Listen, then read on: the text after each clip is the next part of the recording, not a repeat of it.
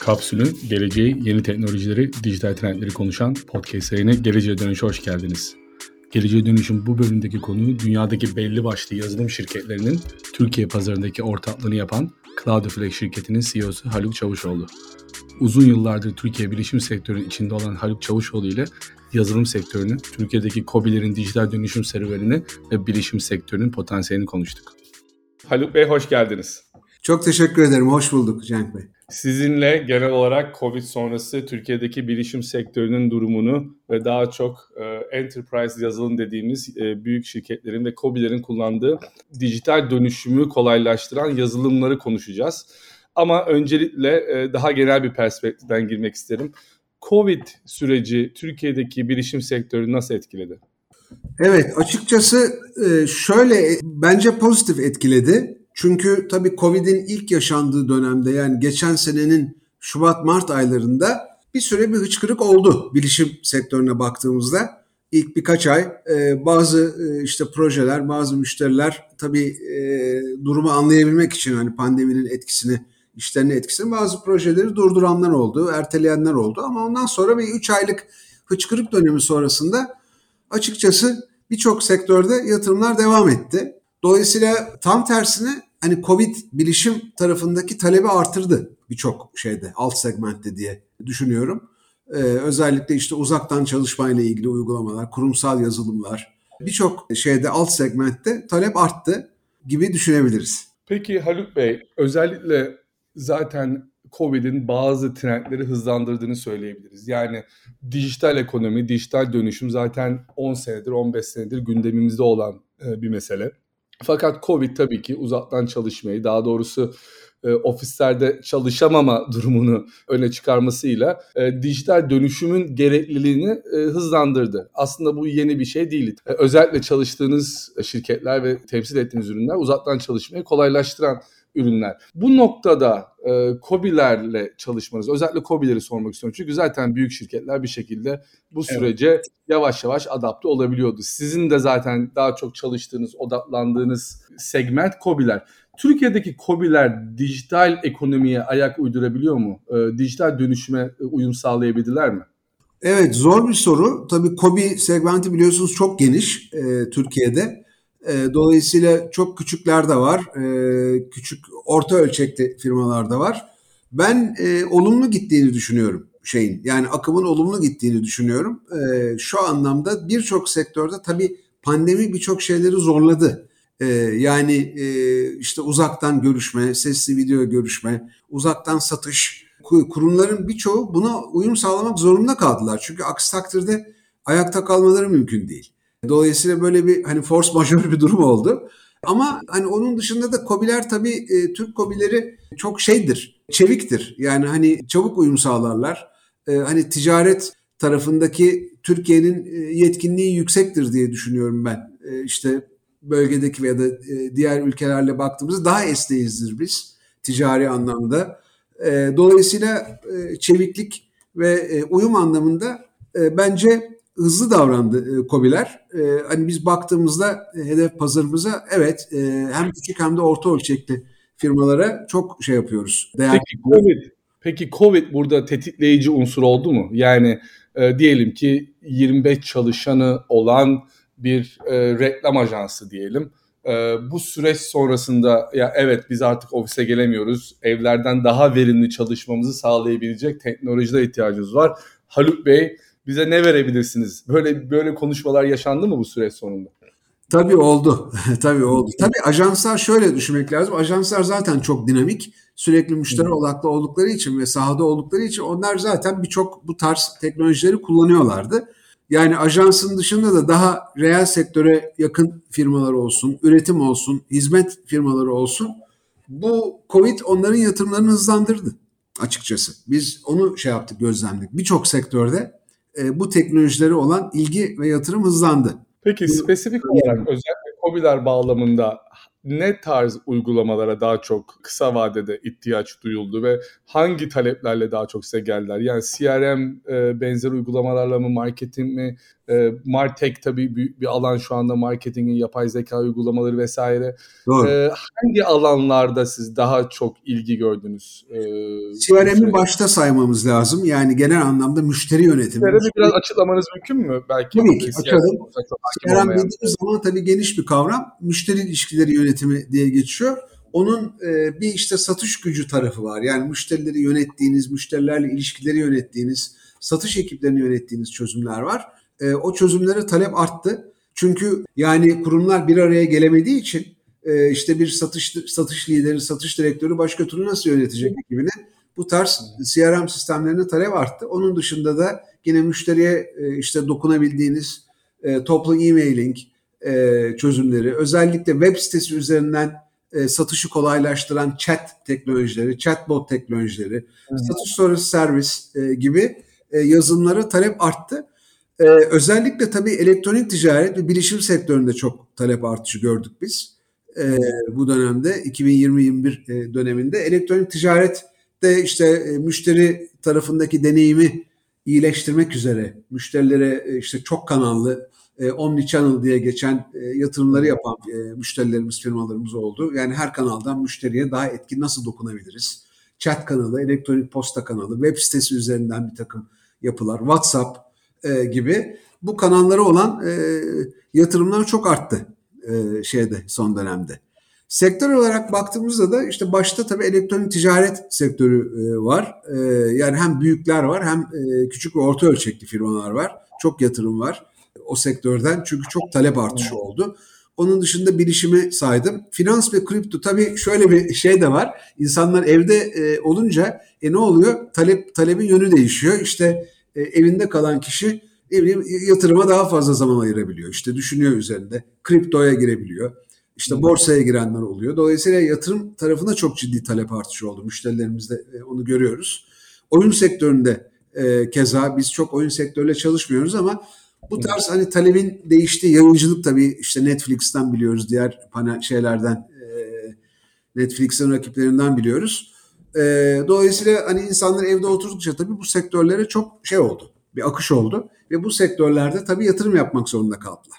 Bu talep artışı ve müşterilerine daha iyi hizmet vermek üzere bir takım adımlar atmak zorunda kaldılar. Peki Türkiye'deki siz tabii dünyada bilinen belli başlı yazılım şirketlerin Türkiye'de temsilciliğini yapıyorsunuz. Onların ürünlerini temsil ediyorsunuz ve e, bir şekilde onların uygulamalarını adapte ediyorsunuz. Fakat Türkiye'deki özellikle B2B alanındaki yazılım e, sektörünü ve inovasyonu nasıl görüyorsunuz? Yani özellikle Türkiye'den çıkmış bir şekilde dünyaya adapte ol, olabilecek ee, örneğin e, paraşüt var sanırım, insider var benim bildiğim. Bunlar özellikle yurt dışında yavaş yavaş büyüyen de e, insider özellikle yurt dışından yatırım da alan bir startup. E, bu alanda yani CRM alanında, müşteri yönetimi alanında e, bir şekilde internal communication dediğimiz yani şirket işi çalışanlarının işbirliği yapabilme, beraber çalışabileceği e, platformlar oluşturabilme adına Türkiye'de siz bu sektörün önde gelen isimlerinden biri olarak hangi e, şirketleri, hangi startupları inovatif görüyorsunuz ve hangi alanlarda bir e, boşluk görüyorsunuz? Özellikle Türkiye bağlamında şu şu şu alanlarda e, ortaya çıkabilecek inovatif çözümler Türkiye'de gerçekten ses getirebilir ya da başarılı olabilir diyorsunuz. Tabii bahsettiğim Insider'la tabii gurur duyuyoruz. Hem de bizim müşterimiz Insider, Zoho e, kullanıyorlar e, bazı e, şeylerde, e, süreçlerinde. Insider çok başarılı bir şirket gerçekten. Ee, onların tabii hedeflendiği, hedeflediği sektörler gene elektronik ticaret. Yani dijital iş yapan firmaları hedefliyorlar. B2B konusunda yatırım yapan firmalara baktığımızda açıkçası çok fazla yok benim gördüğüm kadarıyla. Yani B2B e, işte CRM benzeri yazılımlar Tabii şunu söylemek lazım Cenk Bey, e, bu alan tabii zorlu bir alan. Çünkü CRM dediğimiz alan e, işte çok büyük oyuncular var bu konuda. Çok uzun zamandır bu konuya yatırım yapan firmalar var. Dolayısıyla burada Türkiye'den e, işte yatırım yapıp da dünya çapında bir oyuncu olmak çok kolay değil. Oldukça zor, çok büyük yatırım gerektiriyor. Niş bazı oyuncular olabilir. Ben daha çok şeyde potansiyel görüyorum. Yani ele, önümüzdeki dönemde tabii elektronik ticaret ve dijital transformasyon süreçleri daha da artacağı için elektronik ticaretlerin başarısını artıran platformlarda e, çok büyük potansiyel görüyorum. O konuda birçok oyuncu var. Türkiye'de işte Insider onlardan bir tanesi mesela. Onlar e, yani kendilerine has çözümleri var. İşte yapay zeka e, tabanlı bir takım e, çözümleri var. E, onlar gibi işte web sitesi optimizasyonu, reklam optimizasyonu, e, ondan sonra işte müşterilere müşteriler bir platformu ziyaret ettiği zaman e, işte satın almayı yapacak kişilere reklam göstermek e, gibi konularda yapay zeka bazı ziyaret analizi yapan çözümler var. E, veri analitiği çözümleri var. E, mesela Countly diye bir firma var. Veri analitiği yapıyor. E, onlar e, bence çok başarılı gidiyor. E, dolayısıyla bu alanlarda yani veriyi veri veriyi analiz edip oradan katma değer yaratıp kurumsal müşterilere e, daha fazla değer katan, satışlarını artıran teknolojilerde bence çok şey var, potansiyel var ve o konuda da birçok startup e, görüyoruz. E, bizim SimilarWeb diye bir işimiz var. SimilarWeb'in Türkiye temsilcisiyiz. Dolayısıyla dijital dünyayı ölçüyoruz SimilarWeb'le. Bu tarz e, işte ölçüm firmaları yani bahsettiğim e, konulara yatırım yapan birçok e, firmayla her gün e, aşağı yukarı bir iki firmayla tanışıyoruz bu alanda. Web optimizasyonu gibi işte reklam optimizasyonu yapan firmalara çünkü destek oluyoruz. Orada bence çok potansiyel var. Çünkü elektronik ticaret hem Türkiye'de büyüyor hem e, birçok coğrafyada e, büyüyor ve büyümeye de devam edecek. E, dolayısıyla bu firmaları daha başarılı yapacak birçok kurumsal çözüme ihtiyaç var bence. Kapsül'ün e-bültenlerine abone olmak için kapsül.com.tr'yi ziyaret edebilirsiniz. Bu noktada da hepsi buradanın Nasdaq'ta kote olmasını da belki tebrik etmemiz lazım bu bağlamda öyle değil mi? E, elektronik ticaret şirketlerinden de bahsederken. Kesinlikle. Hem getiri tebrik etmemiz lazım. Çok hızlı yurt dışı büyümesiyle hem de hepsi buradayı. Tebrik etmemiz lazım. Çok büyük bir başarı. Peki bu noktada özellikle biraz önce konuş, e, konuştuğumuz e, spesifik alanlar işte veri analitiği gibi işte ya da işte e, yapay zeka gibi alanlar bir şekilde kuvvetli ve güçlü bir e, böyle e, kuant e, altyapısı gerektiren belki mühendislik, matematik modelleme vesaire deep learning dediğimiz e, ya da makine öğrenmesi böyle ciddi bir mühendislik e, altyapısı gerektiren, e, iyi bir matematik e, bilgisi gerektiren konular aynı zamanda. Türkiye'de bu konuda aslında dünyadaki muadillerine göre kuvvetli yerde. Türkiye'de çok güçlü eğitim kurumları var. Türkiye her zaman güçlü mühendisler üretti. İşte ODTÜ gibi üniversiteler, Boğaziçi gibi her ne kadar işte son dönemde yaşanan bazı sıkıntılar olsa da İTÜ gibi vesaire. Şimdi bu noktada e, baktığımız zaman aslında büyük veri analitiği gibi konular ya da biraz önce bahsettiğiniz gibi çok böyle teknik bilgi gerektiren konularda Türkiye'nin ciddi bir avantajı var. Hani bu yüzden de belki dünya çapında e, teknolojiler geliştirmesi belki bu alanlarda biraz daha kolay demeyelim ama daha verimli olabilir diye düşünüyorum. Ne düşünüyorsunuz bu konuda? Özellikle Türkiye'nin e, bilişim konusundaki yetenek havuzu açısından. Evet bu bahsettiğim alanlar e, tabii önümüzdeki dönemde çok büyüme e, göreceğimizi düşündüğümüz alanlar. E, yani nedir bunlar? Yapay zeka. Yapay zeka daha yeni başlıyor. Yani inanılmaz e, uygulamalar olacak önümüzdeki dönemde. IoT keza öyle. Nes, internet, hmm. nesnenin internetinde e, çok ciddi yatırımlar olacak ki olmaya başladı. E, bizim de o alanda bir startup'ımız var inşaat sektörüne dönük. Dolayısıyla hmm. bu bahsettiğim yani yapay zeka, e, olsun, e, nesnelerin interneti, IoT olsun, veri analitiği ve verinin işlenerek çeşitli sektörlerde değer katılması yapay zeka ile beraber bu tarafta çok potansiyel var. Şimdi tabii daha e, mesela CRM dediğimiz zaman ya da işte ERP dediğimiz zaman bunlar tabii daha klasik yazılımlar ve e, hani 25-30 senedir bu konuda dünyada çok yatırım yapıldı, yapılıyor, devam ediyor. Tabii yeni oyuncular da çıkıyor ama bu, bu alanlarda dünya oyuncusu olmak çok kolay değil açıkçası. Hani Türkiye açısından diyorum. Dolayısıyla bence Türkiye işte bu yeni alanlara e, odaklanırsa daha başarılı olur diye düşünüyorum startuplar. Çünkü burası şey gibi altına hücum gibi yani daha keşfedilmemiş o kadar çok şey var ki hani verimlilik yaratılabilecek, değer katılacak hem şeyde e, B2C yani tüketicilere dönük sektörlerde hem e, kurumlara dönük sektörlerde çok ciddi değer yaratma potansiyeli var. Bence Türkiye'nin biraz bu tarafa e, kafa yorması daha doğru olur diye düşünüyorum. Hem stratejik anlamda hem de startup perspektifinden. Peki bu bağlamda siz sadece Türkiye'deki daha doğrusu yabancı şirketleri Türkiye'de temsil etmiyorsunuz. Aynı zamanda Türkiye'de de bazı yazılım konusunda girişimleriniz var, startuplarınız var. Biraz önce de bahsettiniz. Türkiye'deki yazılımcı, e, mühendis e, kalitesini nasıl görüyorsunuz? E, bu konuda sizin e, yani hem yetenek olarak hem disiplin olarak hem motivasyon olarak e, benim gördüğüm e, yurt dışından e, Türkiye'nin bu konuda ciddi bir potansiyeli var. Çünkü hani burada özellikle Amerikan startupları hani offshore e, yazılım geliştirme yapacağı zaman işte nereye bakıyor? Hindistan'a bakıyor, Ukrayna'ya bakıyor. İşte Peru gibi ülkelere bakmaya başladılar. Ama aslında Türkiye'nin özellikle biraz da son dönemde kur vesaire gibi etken, etkenlerden dolayı da ciddi bir e, offshore yazılım kaynağı olarak görülmesi de mümkün. Ama tabii bundan önce yani gönül ister ki Türkiye'deki bilişim şirketleri Türkiye'deki e, yeteneklerden faydalansın. Siz genel olarak nasıl görüyorsunuz Türkiye'deki yazılımcı profilini? Evet son dönemde e, son dönemde daha iyi e, görüyorum ben. Tabii akademik tarafa çok yakın değilim. Dolayısıyla hani akademik tarafta işte bilgisayar mühendisi, yazılım mühendisliğinde hani ne gibi şeyler var. Yani üniversite ve akademik dünya ne kadar adapte ediyor kendini iş dünyasına. Ee, burada biraz daha olumlu görüyorum son dönemdeki gidişatı. Çünkü e, biz de tabii e, şirketlerimize aldığımız özellikle işte yeni nesil genç arkadaşlardan çok memnunuz. E, Birçok e, vakada çok başarılı olduklarını şey yapıyoruz, gözlemliyoruz. Yani onların ekibe katılmasıyla beraber ayrı bir vizyon geliyor. E, işte bazen çözemediğimiz problemlere farklı bakış açıları geliyor. Dolayısıyla birçok yeni yani iyi yetişmiş e, genç arkadaşlarımız var. Bu da tabii üniversitelerin daha önceki dönemlere göre daha iyi adapte olduğunu gösteriyor bence son dönemdeki bilişim teknolojilerine. E, işte veri anlamında, e, şey anlamında, yazılım anlamında hem front end hem back end yani hem ön yüz teknolojileri olsun hem arka back end teknolojileri olsun.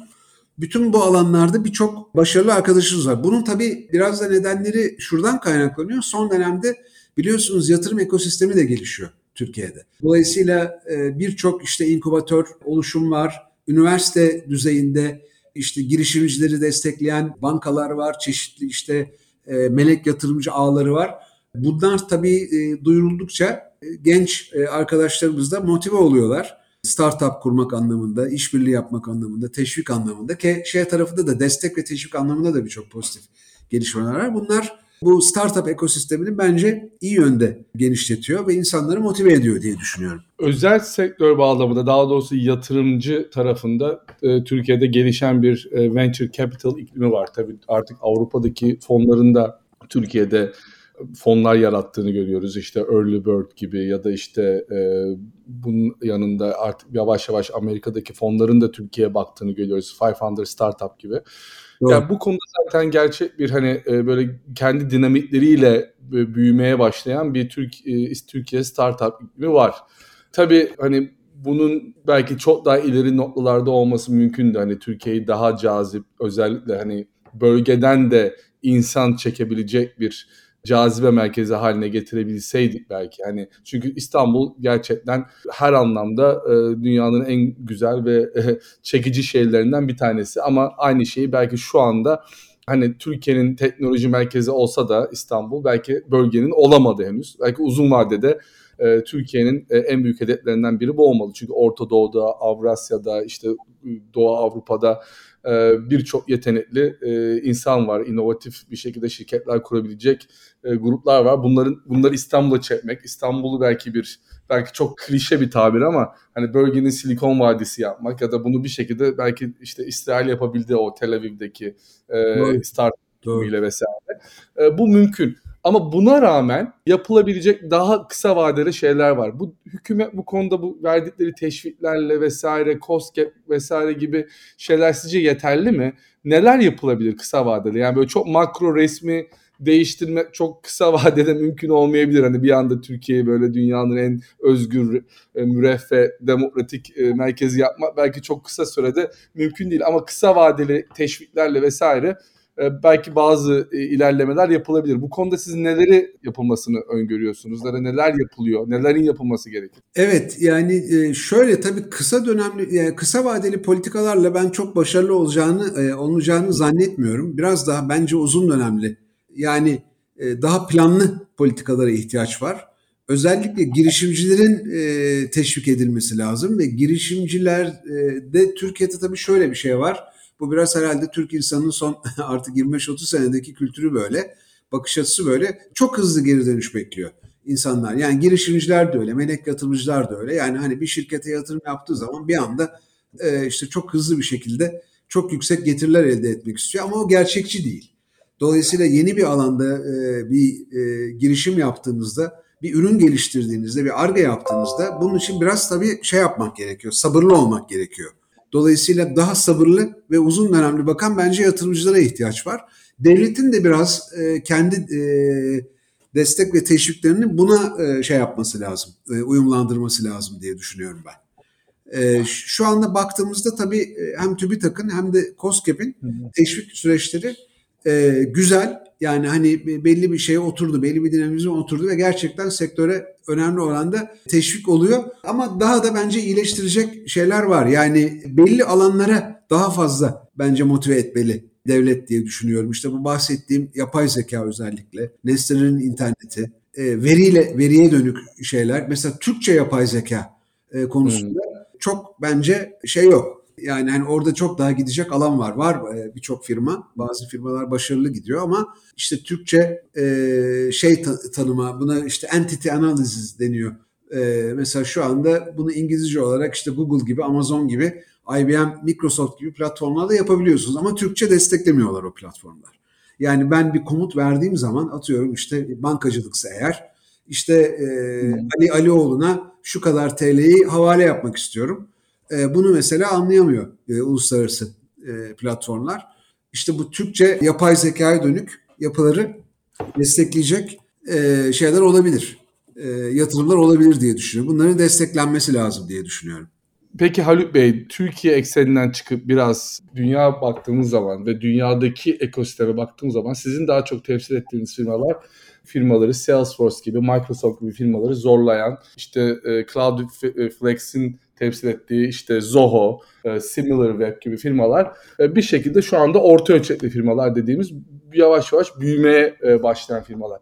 Dünyada da en çok tartışılan konu bu FANG dediğimiz şirketlerin işte Facebook, Amazon, Microsoft'un vesaire dünyadaki bu yazılım e, ve bilişim alanını bir şekilde monopolize etmesi. Yani adamların her konuda bir çözüm var. Google'a baktığınız zaman video konferansından tutun e-mail sistemine, e-mail sisteminden cloud computing'e her alanda çözüm üretiyor artık bu teknoloji devleri ve bir şekilde bunun bir tekelleşmeye gittiği konusunda da endişeler var. Mesela en son yani sizin de en büyük rakiplerinizden işte Salesforce firmasının gidip e, Slack'i satın alması. E, bu tabii ki belki Salesforce müşterileri için fayda sağlayacaktır. Yani entegratif bir çözüm e, ortaya çıkması açısından.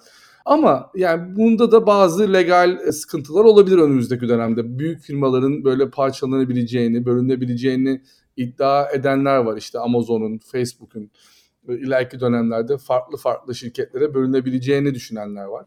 Siz bu demokratikleşme konusunda yani daha orta ölçekli bir CRM programının e, Salesforce'la mücadele etmesi konusunda serbest piyasada hangi unsurları e, ana e, temel e, rekabet e, faktörü olarak görmesiniz düşünüyorum. Burada fiyat mıdır yani asıl önemli olan yoksa e, kas, e, hani customization mıdır? E, nasıl nasıl rekabet edecek Zoho Salesforce'a dünya ekseninde? Bir defa orada e, yani mütevazı olmayacağım. Yani Zoho e, tabii buna şey bazında farklı segmentler bazında bakmak lazım. Dünya çapında tabii hani large enterprise dediğimiz çok büyük e, firmalar var. Atıyorum mesela 40 bin çalışanı olan ilaç firması var. E, bu şimdi Türkiye'de böyle bir firma yok zaten. Böyle bir ölçek yok.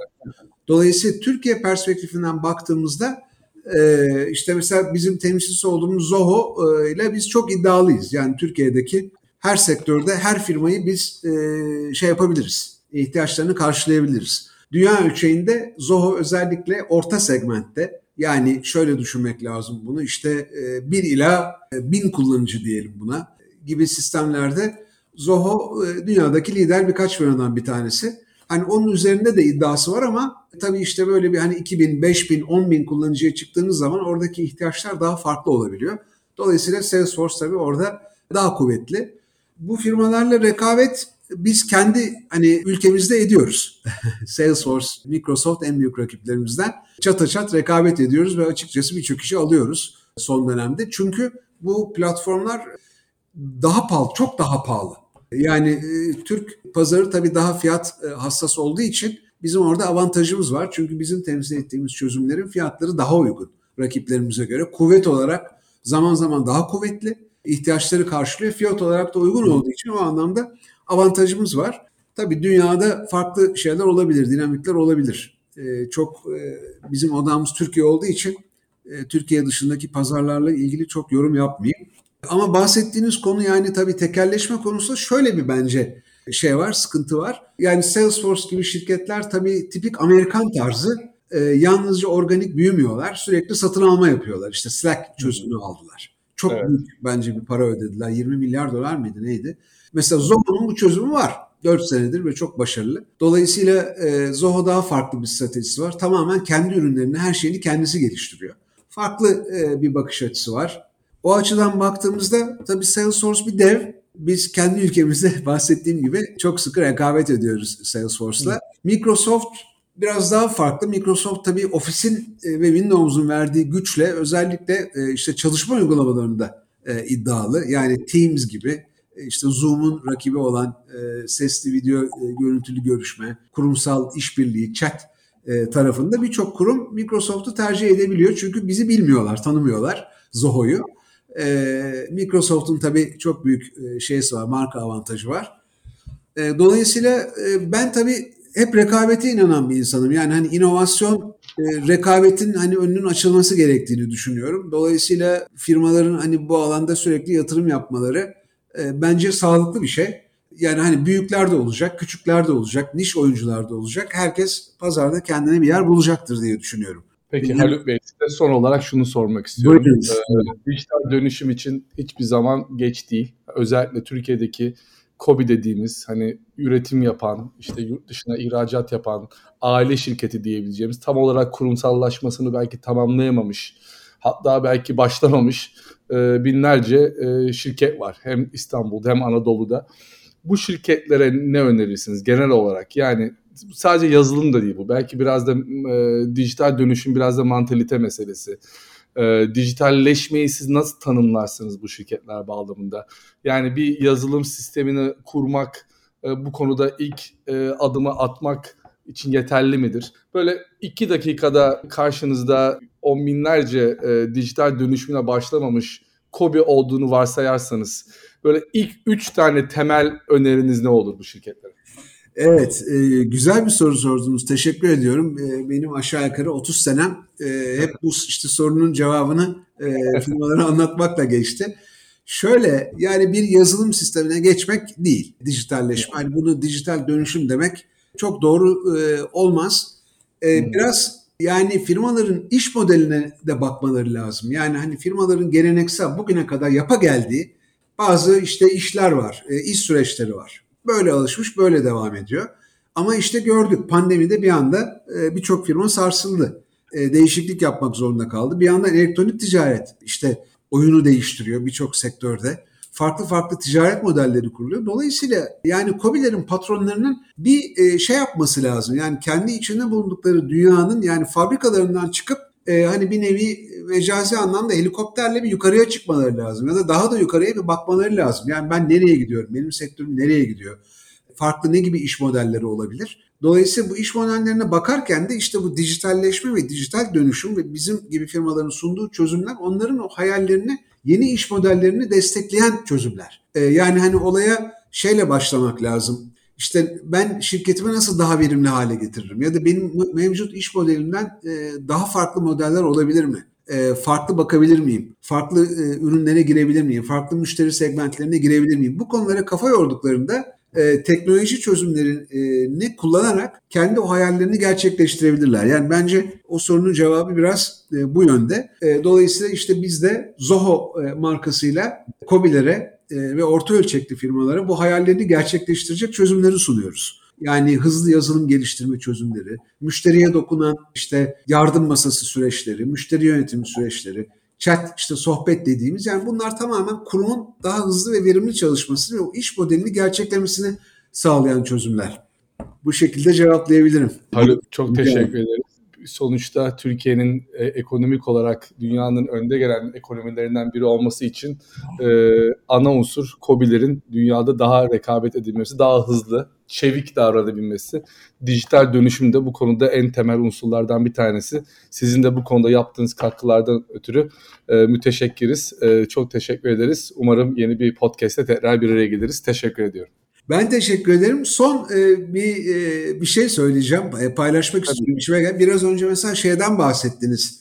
E, işte bu Hindistan örneğinden bahsettiniz ya da yazılım outsourcing'i. Bence doğru e, şey yol bu değil. Çünkü bu bizim tekstil sektörü gibi. Yani hani yurt dışındaki bir firmaya siz yazılımcı kiralım, kiralıyorsunuz. Tamam. Geçici bir fiyat avantajınız var. Bence doğru yol bu değil. Doğru yol bizim girişimciliği desteklememiz lazım. Bu yeni teknolojilere yatırım yapmamız lazım yatırım yapan genç girişimcileri, patronları desteklememiz lazım. Bunlara fon ve finans bulmamız lazım.